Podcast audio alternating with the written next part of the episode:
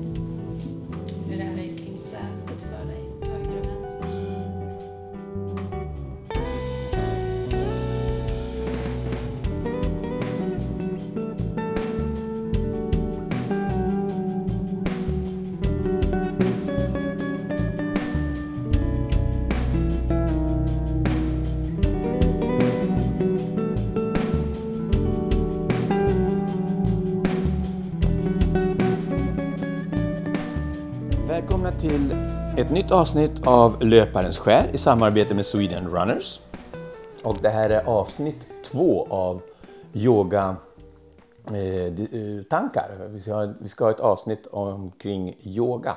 Igen. För- igen. Ja, precis. Det var ju eh, i samband med allhelgonahelgen egentligen i november som vi gjorde två pass. På torsdagen träffade vi Åsa Landpers Ja. och sen på söndagen tror jag att vi en mörk kväll i små regnet sprang en mil Aha, för att delta i ett pass med Maria Klemets som då har yogainstruktör.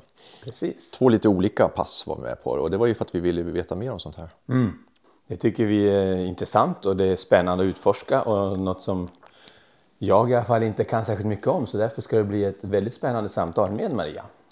Precis, och ehm, det här med att... ehm, när vi, pratade med Åsa här så hade jag kä- kämpigt med det, det här med att...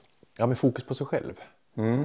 Och, och, och, det, och jag vill bara understryka, det var ju som ingen kritik kring formen egentligen. Så snarare är, ju, är det ju mitt problem jag har att hantera. Jag, att jag, det, jag har funderat kring det också. Att jag, jag har själv svårt att liksom lägga fullt fokus på mig själv.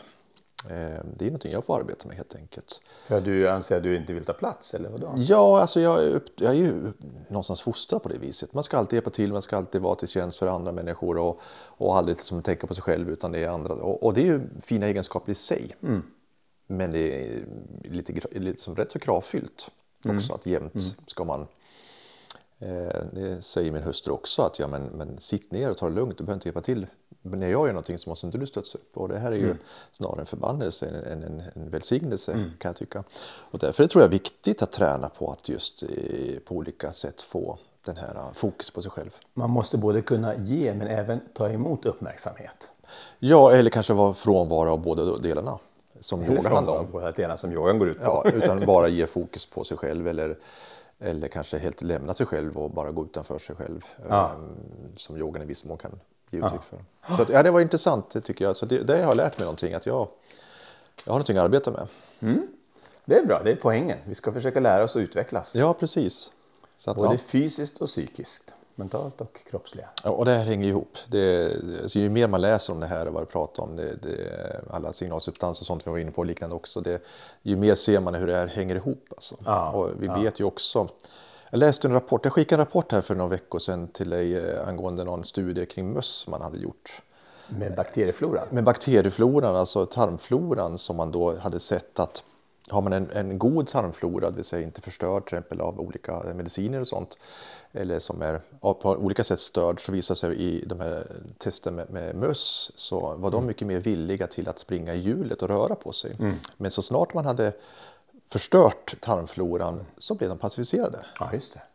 Och det här är ju det det är otroligt spännande liksom att, att eh, kosten, den biten, det vet vi om men vi vet inte tillräckligt mycket kanske. Vi vet, vi, det är begynnande upptäckter och vi vet inte tillräckligt mycket om det. Precis. Det är helt sant. Jag kommer ihåg när vi läste medicin så var jag så fascinerad för att det är väldigt eh, klart och tydligt sedan länge att vi har vår största del av, en väldigt stor del av vår hormonproduktion när det gäller dopamin och serotonin så är om, omkring 70 procent av alla eh, nervceller och transmittorer belägna i magen, mag-tarmkanalen och inte i hjärnan som man skulle vilja tro. Och det där eh, har vi inte, medicinen inte haft så mycket förklaring på förrän vi börjar få det nu med sådana här eh, studier som visar tarmflorans betydelse för eh, måendet, för prestationen hos de här mössen. Eh, väldigt intrikat och spännande samband. Ja. Ja. Så att jag, vi, Tänker på östasiatiska kulturer som vill centrera allting ofta till buken, till magen, till naveln. I buddhismen, naveln central plats. Eh, De här kundalini, jag kan inte de här begreppen, men chakrarna heter chakrarna, det. de sju, olika, sju olika nivåerna Ja. som finns. Ja. Precis, och hur man ska eh, centrera sig kring magen. Precis, och här den, den, den formen är ju någon sorts både religion och, och filosofi har det varit Ja. mycket. Men det är väl som alltid annars, vi, de, man, man upptäckte någonting men man hade, man hade inte verktyg för att kunna förstå det rent biologiskt vad som Nej. hände. Men vi håller på att lära oss. Nu håller vi på att lära oss. Så att de, de var någonting på spåren. Ja. Fast eh, kanske delar av chakra kanske man fortfarande kan ifrågasätta men någonstans så, så, så, så fann de någonting som var av vikt och där är vi nu rent Ja. vetenskapligt Ja, också. ja precis. Det, det där tror jag kommer utvecklas mer.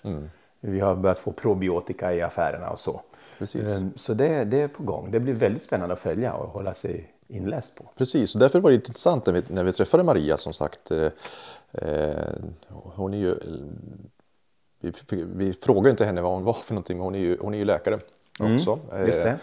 Eh, inom kirurgi tidigare, nu inom palliativa vården jobbar hon inom. Ja. Eh, och eh, utöver det så håller hon på med det här med i det, yogaverksamhet då, Mm. eh, som hon brinner för så att säga.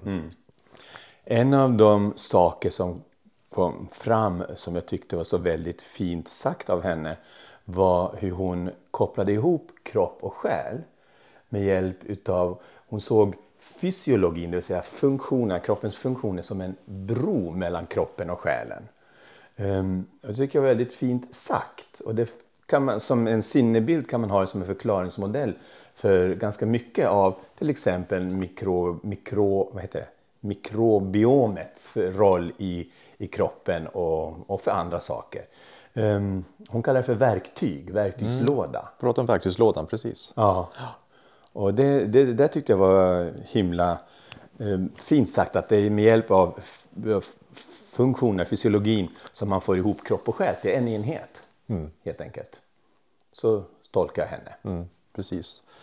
Och där, där eh, hon ger uttryck för att meditationen här eller yogan är en, en del i verktygslådan så att säga. Det är inte, Mm. det, inte den enda, eh, det enda verktyget. Det Nej, vet- precis. Alla som har haft en verktygslåda vet om att den måste vara ganska komplett med ganska många grejer innan man tycker att den är en bra verktygslåda. Ja, ja. Det räcker inte med skruvmejsel och skiftnyckel inte. Och, nej, precis. Och ju fler verktyg man har desto ehm, bättre fungerar man nu om vi pratar mentalt.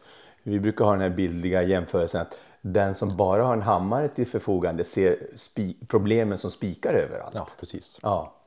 Eh, Och har man fler verktyg så har man en mer mångfacetterad syn på livet, världen och löpningen. Tycker jag. Vi kanske blir lite för medicinska men Maria pratade om det sympatiska och parasympatiska nervsystemet. Och jag vet inte om det behöver förklaras eller om folk vet vad det är. Det sympatiska nervsystemet det är det engelskan har sådana klatschiga uttryck fight or flight. Och det parasympatiska nervsystemet är rest and digest systemet. Det vill säga det ena är beredskap och den andra är, jag kallar det för restorer. Stressorer och restorer som, som utlöses, eh, utlöser de här olika sympatiska systemen. Och att vi måste ha en balans mellan dem. Det är väldigt viktigt. Ehm, Och jag Det hörde... tänker vi ofta inte på. Nej men visst, och, och det är så otroligt viktigt att gå i det här viloläget. Eh, Ja. eh, och nu hörde jag eh, just att kaffe var ingen bra att dricka. Det Åh, vilken mardröm. Ja, men vilken, vilken tristess att höra. Eh, jag, jag brukar ofta vara, när det handlar om kaffe så brukar jag vara ganska mm, faktaresistent i den frågan. men nej, det kan vi inte blunda för. Men samtidigt visar det sig att, att kaffe alltså motarbetar eh, oss för att kunna gå in i det här lugna till- tillståndet, alltså parasympatiska eh, läget. Så att, eh, Alla stimulatorer gör ju det. och, det, och det är ju värdelöst. Alltså på så vis. Ja. Eh, Ja, det, ja. det hindrar mig att gå in i det tillstånd jag, jag måste gå Ja, in i. ja. För att inte då vara på höjt påslag. Ja, ja, så är det. Så ni som tyvärr- dricker kaffe, eh, mer, mer än mig, nej det är inte så många som gör det, men i vilket fall så får ni väl ta den forskningen som ni vill. Men jag, jag, jag funderar på det en del, och, och, men eh, jag har inte ändrat mina vanor ännu inte. Nej, nej, så är det. Ehm, Men som sagt, vi sprang ju dit, eh, vilket också framkommer i det samtal vi hade. Vi, vi sprang dit och sen gick in. och så hade vi lite ont om tid så vi sprang ganska, eller jag var tvungen att springa i alla fall ganska fort så jag var ganska uppe i varv när vi kom fram. Det var en bra, ett bra påslag av det sympatiska nervsystemet när vi kom fram. Och så skulle vi slå om snabbt, Precis. för de var nästan igång när vi kom. Ja, precis. Och sen gick vi in i det och det framkommer i samtalet också att det var så skön stämning där. Det var så lugnt. Det var så lätt att växla om. Det var varmt och det var stilla och det var fridfullt. Så det gick ju bra ändå. Så. Men det, det var en intressant utgångspunkt. Vi hade fel utgångspunkt tror jag. Ja, och sen sprang vi hem efter det då. Och så sprang vi hem efter det för att förstöra alla eventuella vinster vi hade gjort. Ja, eller så fick vi ett samtal där också. Vi sprang över berget tillbaks eh, när vi genade lite. Nej, men eh, och som sagt Maria eh, pratar bland annat också just om att hon kommer från en tradition som har sett negativt på, på eh, yogaformen eller meditation också. Och där. Tror jag vi måste understryka att då pratar hon inte som vi tolkar det om läkarvetenskapen Nej. utan det är en annan tradition hon Ja. ger, ger, synpunkt, eh, har, ger uttryck för. Ja. Och det tror jag är viktigt också för det, det var inte läkarvetenskapen hon pratade Nej, och det är bra att det framkommer. För läkarvetenskapen har egentligen varit ganska okej inställd eh, till det. Man har ju inkorporerat mindfulness meditation som är idag ett etablerat behandlingsmetod. Ja. ja. Absolut, och man är nyfiken där. Jag ser också att nu pratar man ju mer och mer också kring att man har existentiella eh, sessioner för att vi, som är utöver de eh, psykologiska aspekterna så börjar man titta på det också. Att vi måste kanske se ytterligare från ett större perspektiv. Människan finns liksom i ett holistiskt eh, sammanhang där liksom allting hänger ihop. Att vi mår mm, fysiskt dåligt kan det hänga ihop med att vi faktiskt också har en existentiell ångest. Till exempel. Just det. Ja. Och det är viktigt, ja precis. Och för oss är det viktigt det här med löpningen som sagt att vi, vi vill ju, i, varför vi tar de här mötena det är ju för att vi vill försöka öka vår verktygslåda som sagt. Eh, och för mig så har ju det här med yoga blivit intressant. Från att vara lite skeptisk till att bli mer öppen, att fundera över att ja, men det här måste jag kanske inkorporera lite mer i mitt liv. Jag är helt enig med dig. Det har skett, eh, jag har också förändrats på den punkten. Jag har varit, inte ointresserad, men, men oengagerad i alla fall. Precis. Och både samtalet med Åsa och Maria och överhuvudtaget tankar och, och funderingar blir mera eh, yogatillvända. Eller meditativt tillvända. Ja, precis. Och det ser vi flera. Inom ultra så har man ju experimenterat. Jag tror att ultra har ju gjort det. Ultralöpning har ju gjort att man börjar experimentera med väldigt mycket just med att försöka se helheten på ett annat sätt tror jag än man gjort inom vanlig löpning, så att säga, den kortare delen. Eh, där man tittar på kosten i högre grad också. Men det finns ju en evig debatt vad det gäller just eh, om man ska äta eh, inte, un- undvika animaliskt eh, och, mer ve- vegetariskt eller veganskt till och med också. Eh, allt ifrån det till, till ja, men just också det mentala, eh, yoga och den biten har ju kommit väldigt starkt, Ja. ska jag påstå. Ja. Ehm, Det, jag tror nästan att ultralöpningen är på väg in i att diversifieras, att, att ta olika riktningar. Det finns de som då jagar tider och res- prestationer. Sen finns det de som är kanske mera bara ute efter upplevelsen. Sen finns det kanske de som är mera inne på de här mm, mentala bitarna och det kanske finns även fler olika riktningar. Tänker jag. Precis. Jag, jag citerade här för dig förut, jag läste en bok om olika signalsubstanser och liknande. Och där var det just att det är han som har skrivit den här boken som heter David J.P. J.P. Phillips. Heter han. Phillips. Han säger liksom att när han har frågat väldigt mycket folk världen över vad, vad, när man når harmoni och välmående eh, som, som är då fritt från önskan att vilja ha eller jaga efter någonting mer, alltså det här dopaminjagandet. Då är svaren ganska lika menar han över hela världen. Det är när jag är i skogen, när jag rider, när jag är i sommarstugan eller när jag fiskar, när jag är vid havet eller jag åker skidor eller spelar musik eller, eller när jag inte har några måsten. Och det här känner man ju igen ifrån ultralöpning också kan jag tycka. Men han säger också, det är intressant, han säger de här, den här sinnestillståndet uppstår inte i, när det är tävling. Nej, okej. Om man känner att man är i tävlande fas och liksom verkligen vill vinna eller göra en bra prestation. Ja. Då finns inte den harmonin på samma sätt. Nej. Men ultralöpare tror jag väldigt mycket i hög omfattning känner den harmonin när man springer. För att man springer inte primärt för att jag ska bli snabbast eh, eller vinna det här loppet. Det är inte så många som kanske gör det. Nej. Utan många gör det för att jag ska klara av det här. ja, precis. Och, och det är jättespännande tycker jag. Att släppa prestationen är ett villkor och det kan man väl översätta med den här buddhistiska eh, tanken om att det är, hur är det buddhisten säger, att det är när vi har släppt alla våra um, lustar, eller vad de kallar det för något, viljor, som, som vi uppnår frid och nirvana. Och det är väl lite åt det här hållet kanske, samma spår. Ja. Att man släpper prestationerna. eh, Men jag tyckte också att det var lite olika grenar som du läste upp alldeles nyss. Eh, Finns det något mer gemensamt eh, med de här olika aktiviteterna än att man inte vill prestera? Ja, men jag, jag, jag håller inte med dig. Jag tycker att de är ganska lika egentligen. För alla ger uttryck för att här gör jag någonting som jag verkligen älskar. Det här gör jag någonting som jag verkligen tycker om. Jag åker skidor eller jag lyssnar på musik. När man eh, verkligen lyssnar på musik och kan höra varenda mm, instrument och man går in i det och känner att här, det här älskar jag. Men det var väl själva frågan. Vad gör du när du mår bra?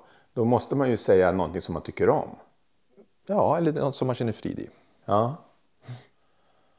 Okej.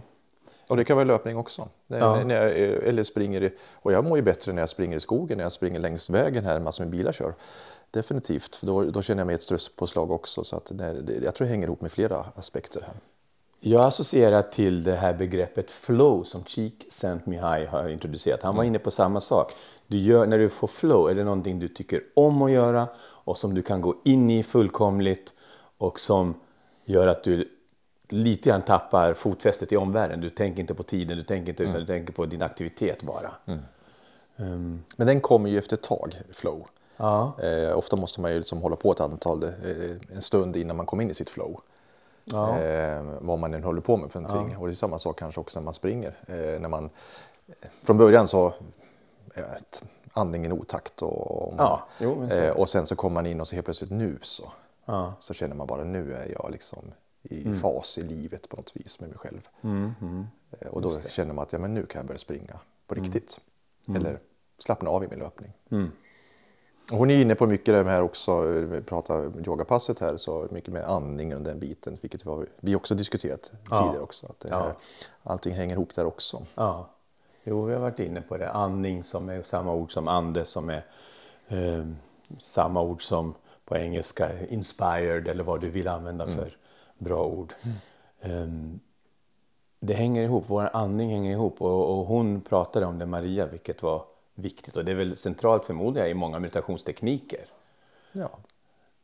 I all teknik egentligen, det är ju som man brukar säga, men ta ett djupt andetag innan liksom du Ja, går in. just Eh, för vad som händer när man tar ett djupt andetag också, det är ju att kroppshållningen blir bättre när man andas ordentligt. Man är tvungen att höja axlarna och sånt också. Så det, det, än en gång hänger det här ihop. Det är inte bara andningen det handlar om utan det är allt rätt, annat det också. hänger väldigt mycket Ja, ihop. eller när man kommer fel i andningen när man springer. Att man, när man, ja, nu får vi liksom börja om och så andas man och man sträcker på kroppen och får bättre löphållning. Ja, exakt.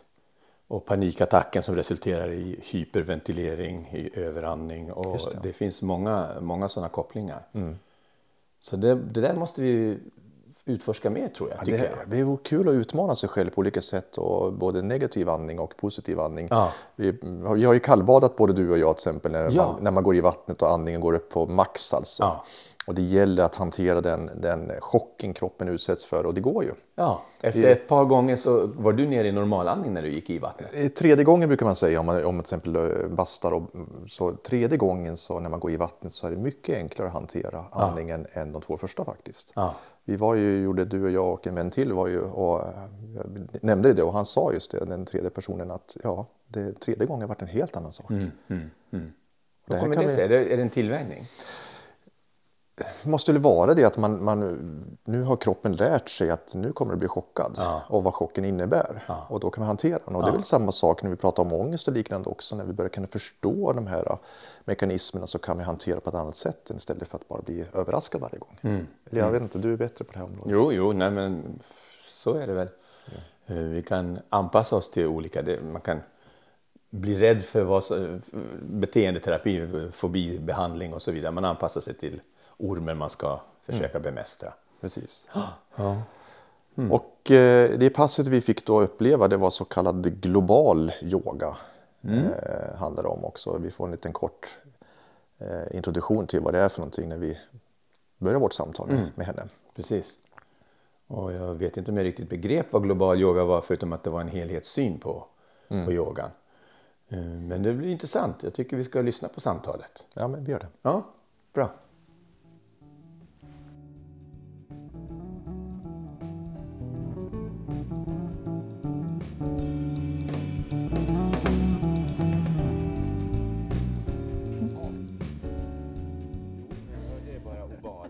Oval. Ja, jag, jag fattade inte riktigt. svårt förstå förstod. orden Ja, bokstäverna.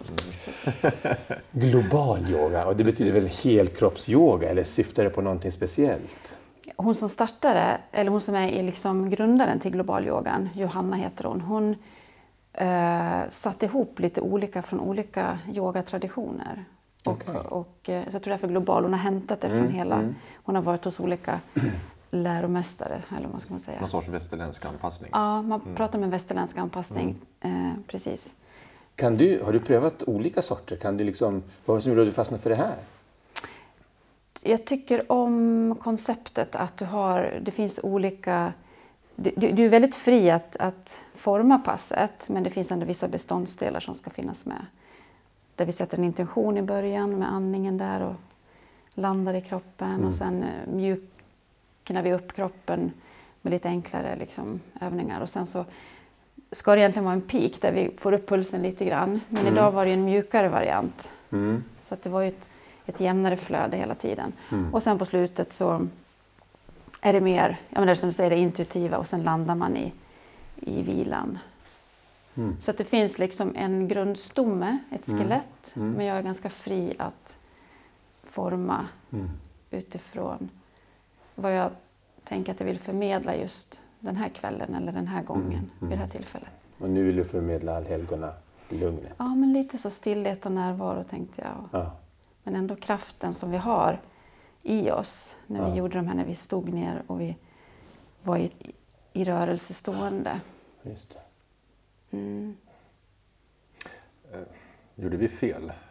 Bara för att måla upp Du bilden. gjorde här. fel, Ja, jag gjorde Ja, rätt. jag gjorde rätt fel hela tiden. Men, Mm. Men att eh, vi sprang ju hit då, en mil. I, jag fick lite bråttom på slutet för vi var lite sent ute. Och sen så kommer vi till den här, eh, är det en sån här byastuga va? Mitt ute i ingenstans. Eh, I mörkret med pannlampor och sen så utifrån det vilda och råa på något vis in, in i värmen här och sen så ska man gå ifrån 150-170 i puls som du sa, ner till 50. liksom här. Ehm, Det kanske inte var max, maximal förberedelse för ett sånt här pass, eller vad tänker du? Ska man liksom komma hit? Eh, Det var ju det som låg här när vi kom in också.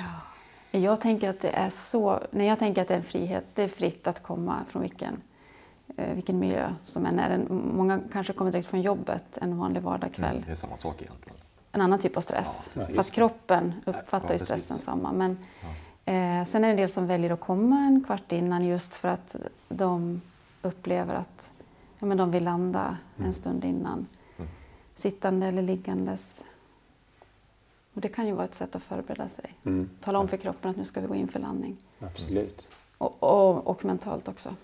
Så det är väl kanske lite fel att vi ska springa hem sen igen också. Det, det är inte det Kanske inte bästa. den bästa Ni planen. får gå helt enkelt. Ja, det har vi inte tid i det heller riktigt. Men det som du säger, det var en väldig kontrast från mörker, småregn, kallt och, och så. Och så kommer jag in hit och här finns det både vila och värme. Det var en väldigt eh, skön känsla. Ja. Det var otroligt avslappnande. Vad fint. Ja.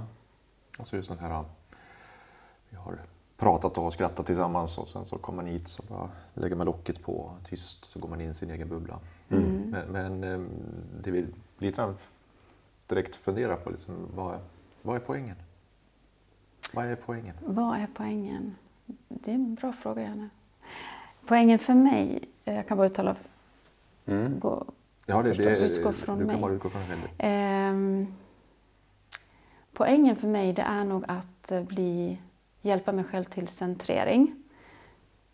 och centrering kan ju vara ett ganska vitt begrepp, ganska subjektivt begrepp också. Men för mig handlar det om att jag centrerar mig både fysiskt, fysiologiskt, mentalt och själsligt. Att jag liksom zoomar in, Samlar ihop. samlar ihop mig. Och i, när jag gör det, då hittar jag hem till mig själv. Det är en mjuk, en mjuk definition.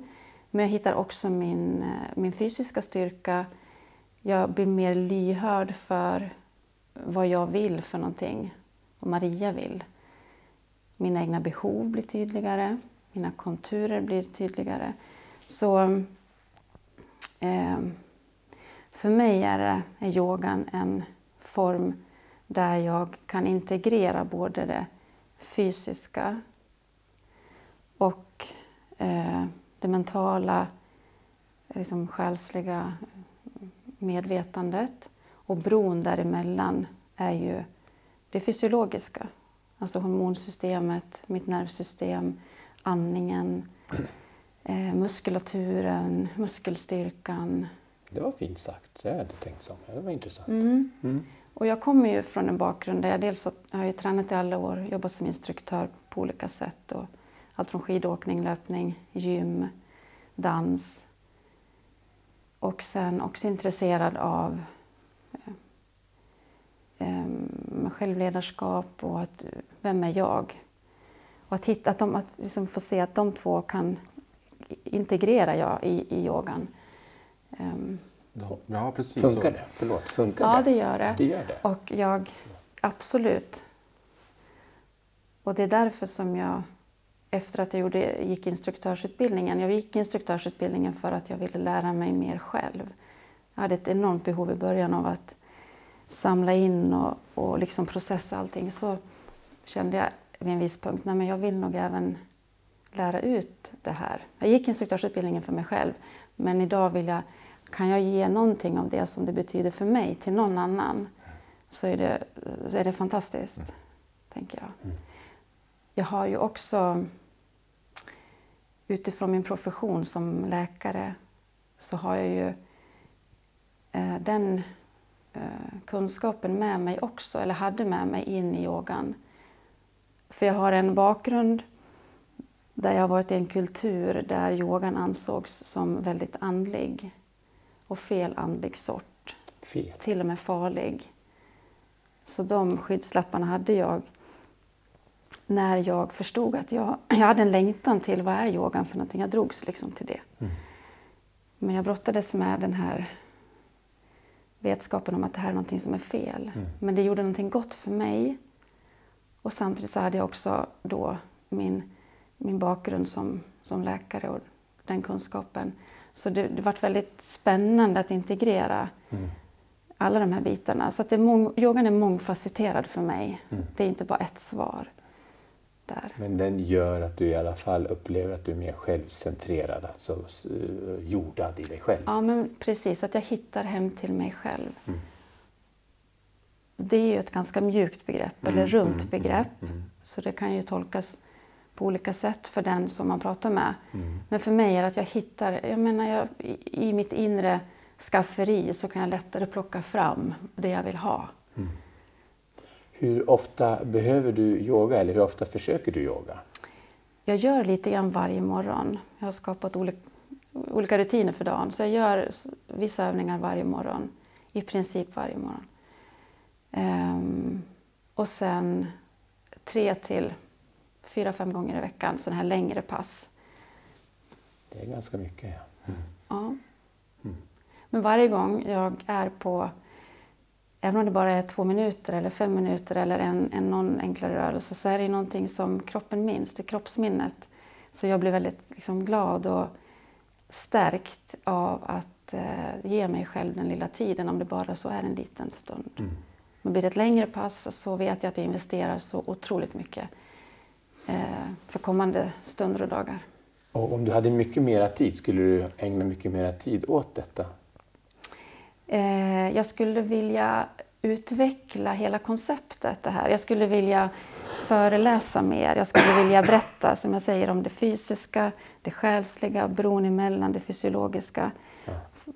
Alltså i föreläsningsform dela med mig av kunskapen. Som man, kan, man kan prata mycket om andningen bara där. Går det, går det att ha det här i föreläsningsform? Jag tror att man kan ha, till exempel om du zoomar ut och pratar om andningen så skulle man kunna prata om det fysiologiska, hur det är i kroppen. Mm. Hur det är kopplat till ditt nervsystem. Vad är det som händer vid utandningen? Vad är det som aktiveras då? Mm. Och vad är det som är för hälsovinster? Att, liksom, att vi kan dra nytta av vårt andetag. Vi har det ju i oss. Mm. Vi är ju skapta med det. Men många gånger tror jag att det kan vara för, det är så enkelt så hellre vill vi kanske ha ett piller eller någon quick fix. Eller det, men vi har det här. Liksom. Så det tror jag verkligen man skulle kunna jobba. Jag har lite idéer kring en, en tre gångers kurs kring det. Sen kan man prata mycket om... Det finns mycket man kan prata om. Ja, absolut. Men jag tänker att yoga är kanske åtminstone lika svårdefinierbart som vår löpning, vad det ger oss och sådär. Så jag har svårt, eller jag tänker mig att det är ganska svårt att få ner det i ord. Att det är liksom något annat. Um,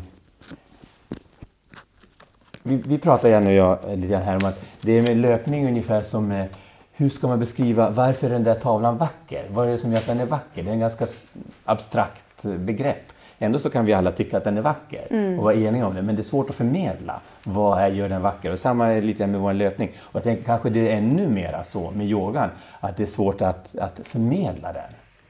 Ja, den är ju väldigt personlig. Ja. Liksom. Jo, men det är den ju. Och så, och så, men, men om jag ska försöka göra det mer det här abstrakta, mer kon konkret, så tänker jag ja, men den fysiska formen, den fysiska träningen. Ja, men jag stretchar, jag, får en, jag skapar en kraftfullare core, jag får, en, ja, men jag får någon form av fysisk styrketräning i mina rörelser. Jag får en mjukhet, jag får en, en eh, smidighet i kroppen rent fysiskt.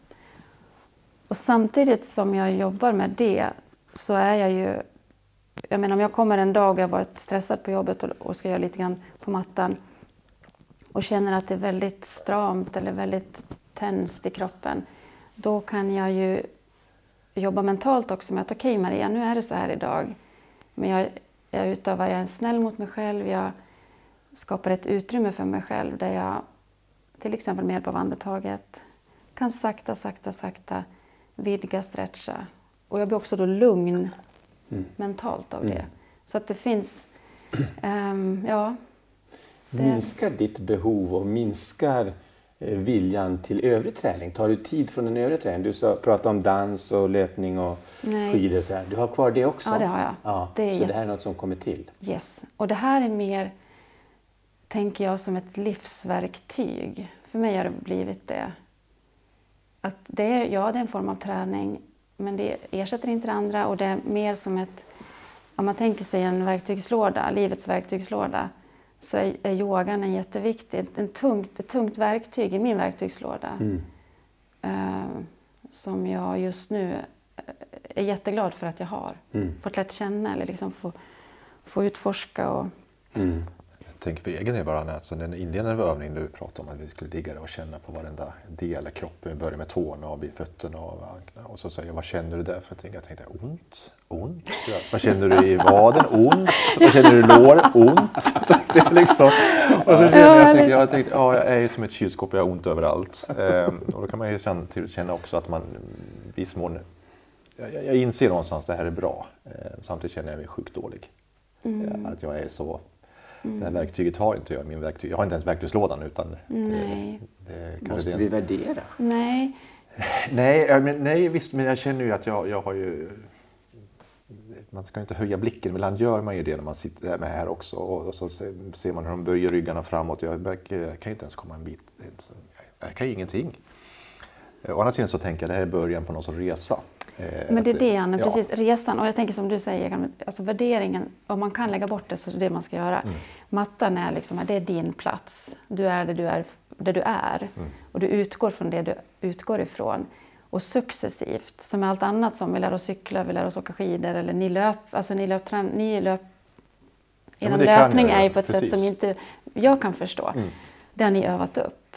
På samma sätt blir ju yogan också, jag menar en del väljer bara för den fysiska formen, men de allra flesta efter ett tag märker kopplingen, vilken styrka det ger mentalt. Så det blir en drivkraft från två håll så att säga. Att Men mm. utifrån det perspektivet så känns det här som en väldigt existentiell verksamhet. De som är här, eller du själv, det, det är inte bara kroppen utan det är ett holistiskt synsätt. Det handlar om kropp och själ. Du pratar om tre delar egentligen, i kropp och det själ och det är det mentala. Fysiologi. Fysiologin. Ja, men det blir kroppen. Eller? Ja, fysiska och sen ja, det mentala. Och, och det själsliga. Och det lägger ner i software. Alltså hardcore, det fysiska, kroppen, muskler. Och sen har du den mjukvaran mentalt. Ska jag förklara för hjärnan vad fysiologi är? Ja, tack. Gör det. Gärna. Ja, du kan lägga det i den hardcore om du vill. Men bron mellan hjärnan och kroppen, det är ju vårt nervsystem. Mm. Det är vår andning. Mm. Det autonoma nervsystemet eh, styr ju mag och tarmkanalen, det styr andningen, det styr hjärtat. Du kan använda ordet funktion. Ja, kanske lättare. Jag sitter mellan två läkare här. Ja, men jag, försöker, jag försöker prata så, så alla lyssnare också förstår. Ja, precis. Ja, precis. Det är jättebra. Mm. Funktion. Men jag tyckte det var en bra beskrivning, väldigt vackert. Mm. Mellan mm. mjukvara och hårdvara, så funktionen däremellan. Ja. Ja. ja, den hjälper mig också att tänka så. att det liksom... Ja. Så, så där finns en enorm nyfikenhet också, vad, vad, hur allting vävs samman. Du nämnde det också, att man ska vara nyfiken på sig själv. Ja. Nyfiken på sin eh, andning och sina hur kroppen reagerar eller hur den rör sig och sånt där också. Är vi dåliga på att vara nyfikna på oss själva? Eller är det någonting man säger inom yogan? Jag har varit nyfiken på det ordet när du pratar om det. Nej, men jag, ja, man säger det inom yogavärlden, men alla gör inte det. Men jag, när jag väl har hört det vid något tillfälle så tycker jag själv att jag, jag tycker det är ett sånt positivt laddat ord. Och det är också utan värdering, därför jag blir nyfiken på mig själv. Och eh, kan jag närma mig själv med en nyfikenhet istället för med dömande tankar så har jag ju ett helt annat utgångsläge. Jaha, det, det är så här det känns idag Maria. Eller eh, men, oj, nu, har jag, nu kan jag nå dit idag. Alltså det blir jag blir nyfiken. Jag tror, att jag, jag tror att man avdramatiserar och det blir inte så komplicerat. Liksom. Andningen, nyfiket, hur, var känner jag in, inandetaget någonstans? För oftast det går per automatik så att vi, vi mm. tänker inte på det. Nej. Men blir jag nyfiken då stannar jag också upp och blir lite mer närvarande, lite, mm. lite grann. Mm. mm. Och vi vet att i, när vi är närvarande då skapar vi förutsättningar för vår fysiologi, vår kropp att må bra. För jag är inte i dåtid och jag är heller inte i framtid. Nej. Utan jag är bara här. Vi pratade förut ofta om, ni pratade om nyfikenhet och nyfikenhet är en del i lek också. Det, det är mycket ja. det vi har, vi har diskuterat det här förut, Janne. Eh, du behöver leka mer. Och, och ehm, i det ligger också det här med icke-dömande. Man ska bara gå in och latcha med bollen om det nu är en boll inblandad eller yoga. Jag, tänkte som, ja, men jag tycker om den, för lek, det, det finns också med som en sån här bubbla liksom med ord som jag tycker mm. om. Mm. Till exempel när vi gjorde balansdelen, när vi stod på ett ben mm. och bak med benet. Och, kan man få in, nu sa inte jag ordet lek, men det är ett annat sätt att säga det, att vi bjuder in lekfullheten här. Mm. Om jag tappar balansen eller jag måste ta stöttning så är ju det utifrån där jag är idag och det är helt okej. Okay. Mm. Men för varje liten del som jag gör den här övningen så skapas det nya nervbanor fysiologiskt. Mm. Det skapas nya nervbanor i hjärnan och även mitt kropps och muskelminne minns. Så nästa gång jag gör övningen, då har jag ett annat utgångsläge. Mm. Och det är, den, det är ju väldigt, väldigt fint att jag känner att ja, men jag får göra en progress utifrån vad min kropp mm. eh, har förmåga till. Om du, ser till, du känner till löpning också, har sprungit eh, mycket. Och, men, men vilken nytta har vi som löpare i det här? Uh, oj, Ja, jag tänker spontant på andningen. Nu andas ni säkert jätte, jättebra. Men man kan alltid kanske hitta nya infallsvinklar och, mm. och hur att ta med liksom andetaget i löpningen. Jag tänker också på mjukhet mm. och stretch. Jag tänkte jag på min, min hårdhet. Tänkte jag på. Eller, det var ingen hårdhet, det var bara ja, ömt. Men, det, det är precis. Nej, men jag tänker att det kanske kan gynna löpningen att bli ännu lite mjukare. Mm. Plus att eh, skaderisken minskar, tänker jag, kanske på sikt. Och... Det jag tänkte på, det jag verkligen ser att jag behöver träna, balans pratade du om nyss. Det behöver man som löpare ofta, men här syntes det var mycket behov. Jag hade en finns. vägg att sätt- stötta mig mot. Ja. Det hade du också i och för sig, men det var ju väldigt skönt. Jag Det tyckte var det en var stund på en vägg. ja, så det. Eh, Jag, jag brukar ställa den här otroligt svåra frågan, eller jag brukar ställa den till mig själv. Det finns ju, jag var inne på det förut, eh, ett japanskt, eh, munk, en japansk munkorden som mediterar när de springer. Ehm, och det har blivit någon form av syntes hos mig med mm, kropp, eller fys, fys, fysik och eh, eh, psyke. Då. Och jag vet inte, jag skulle så gärna vilja ha ett tips. Hur gör man för att komma dit? Har du något bra tips för det? Hur tänkte du nu komma dit? Alltså, Nej, alltså de, de, de, det, det finns en japansk munkorden som springer tusen dagar och eh, mediterar samtidigt. Och de springer mm. 100 km ja, du menar hur meditera samtidigt som du springer? Ja. Ja. Precis. ja. Eh, du, har, du har säkert dina tips och tricks kanske. Kan man, men men jag, tänk, jag tänker att ehm, återigen jobbar jag själv med att försöka stänga av dåtid. För där Ja. ältar vi mycket. Ja. Vi landar i, hamnar i de här banorna. Ja. Och framtiden, tanken vill ju gärna antingen vara där eller där. Så att kanske hitta något, eh, jag, Nutid. nutid. Ett exempel kan vara att man hittar någon, något eh, passande mantra eller ord som passar in för dagen. Till exempel på, när jag vaknar så kan jag ibland eh, försöka hitta vad, är det för, vad vill jag säga till mig själv idag? Och så har jag med mig det hela dagen. Och så är det för, då när du ska springa. Till exempel engelskt gratitude in the present moment kan vara en sak. Eller eh, I accept isness. Alltså is är. Jag accepterar det som är. Jag bara är. Alltså att försöka hitta någonting som... Och då använder man mantrat för att åstadkomma den känslan. Jag använder det för att hjälpa mig själv återigen att centrera tanken så att inte det är för all over the place, the monkey mind, utan att jag är... ehm, och jag tycker att det kan hjälpa mig även in i en arbetsdag. Om jag bestämmer mig för ett förhållningssätt. Det här, det här vill jag ha med mig idag. Jag vill utgå från den här liksom positionen i mig själv när jag går till jobbet och när jag möter mina kollegor, patienter. Jag kan till och med tänka så här, så här vill jag må när jag kommer hem. Alltså det, hjälp, det sätter ju en, en styrfart, det får en riktning mentalt. Intressant. Jag okej. vet inte riktigt om det var svar på frågan. Men, Jo, ja, men så det är gott det går. sorts, sorts närvaro. ja. Ja. Ehm, Och det kan man göra på olika sätt. Ja, och grann, verktygslådan ser olika ut för oss. Men frågan är vad vill jag fylla min verktygslåda med? Ja. Det, har, det, det kan jag ju bara... Jag, jag kan ju välja att plocka ner andras verktyg, men de kanske inte passar för mig. Nej, just det. Och så gör vi oftast tror jag, när, jag menar, när vi växer upp. Och, men så kommer en punkt i livet när vi inser att "Nej, vänta, jag behöver nog rensa den här verktygslådan för det här är inte gångbart längre. Den här plockade, den här någon annan ner åt mig. Intressant. Ja, jag tror att eh, springer man riktigt långt så kommer ju mycket tankar och sånt och då måste man kunna rensa i den tanken. Ja, men springer man också. ännu längre så försvinner ju tankarna. Precis, ja men då, precis. Eh, Det gör det med. Och det är Man samma sak, så- eh, nyfikenheten faller tillbaka också till ultralöpning. Men det kommer en annan sorts nyfikenhet. Det är nyfikenheten i smärtorna som kommer. Man blir ändå nyfiken på smärtan. Ja. Och tänker, Oh ja. vad innebär det här för någonting? Kommer det här bli menligt för mig eller kan jag fortsätta? Och det, men antingen så har man nyfikenhet eller så blir man rädd. Ja. Och det har vi också pratat om. Ja. Rädslan är farligare. Det är, det intressant att vara, värre.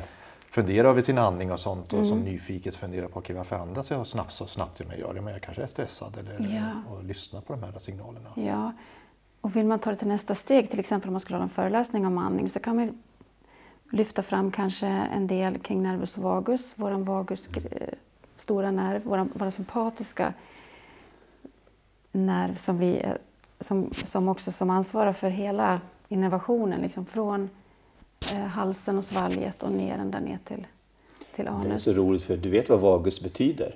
Vandrare. Vandrare, precis. Mm. Och, man har ju sett nu att det finns, det. finns två grenar av vagus. Det finns en främre gren och en bakre gren och de har lite olika funktioner. Och jag menar, ni måste ju, är ju säkert så bekanta med HRV, tänker jag. Heart rate variability. Ja, ja, variabilitet. Mm. Kopplingen där till vagus. För den mm. kan man också ta 0,32 med in i yogan. Därför att ju mer jag yo- yogar, ju högre HRV kan jag skaffa mig och kan jag liksom hjälpa mig själv till? För att jag jobbar Mm. mer med vagus. Jag, Så att eh, även där är den fysiologiska, alltså bron mellan fysiken och sinnet. Och vi vet ju att ett högt HRV är en, en direkt korrela- korrelator till eh, eh, alltså ett bättre välmående hälsomässigt. Mm, mm, mm.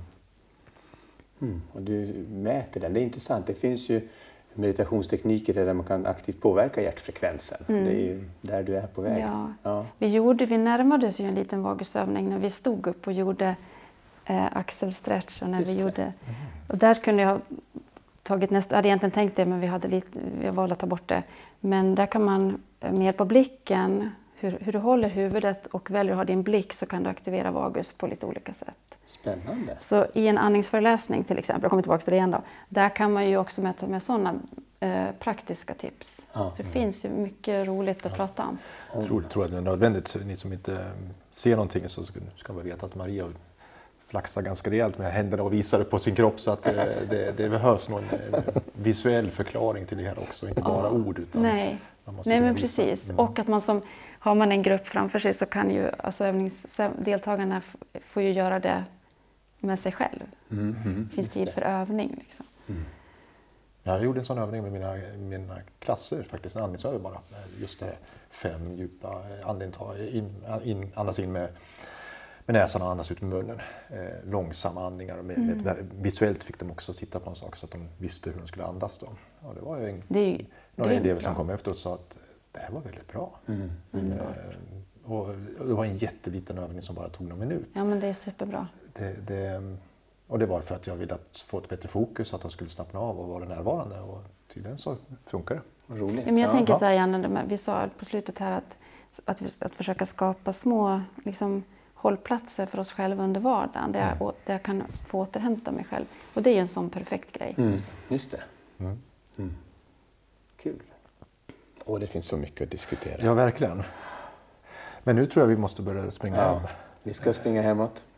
Vi ska Med tacka pannlampan Marie på. med pannlampa och allt och tacka så jättemycket för berättelsen Maria. Det är otroligt intressant och jag har en massa frågor jag ska fråga efteråt också. Ja, Vill göra. men tack för att ni kom. Jag är Ja, men jätte, jätteglad mycket. Det, för var, att det ni här kom. var, faktiskt vart jag ganska varm. Eh, Det var fysiskt jobbigt tyckte jag. Ja, det var det. det, var Fast det. du tog på dig jackan, Du, jackan för att, för att skull. luktar så illa. Ja, det också. tack allihopa där Eva. Ja, ute. tack snälla ni. Tack Ha det så gott Ja. och löp väl. På återhörande. Hej.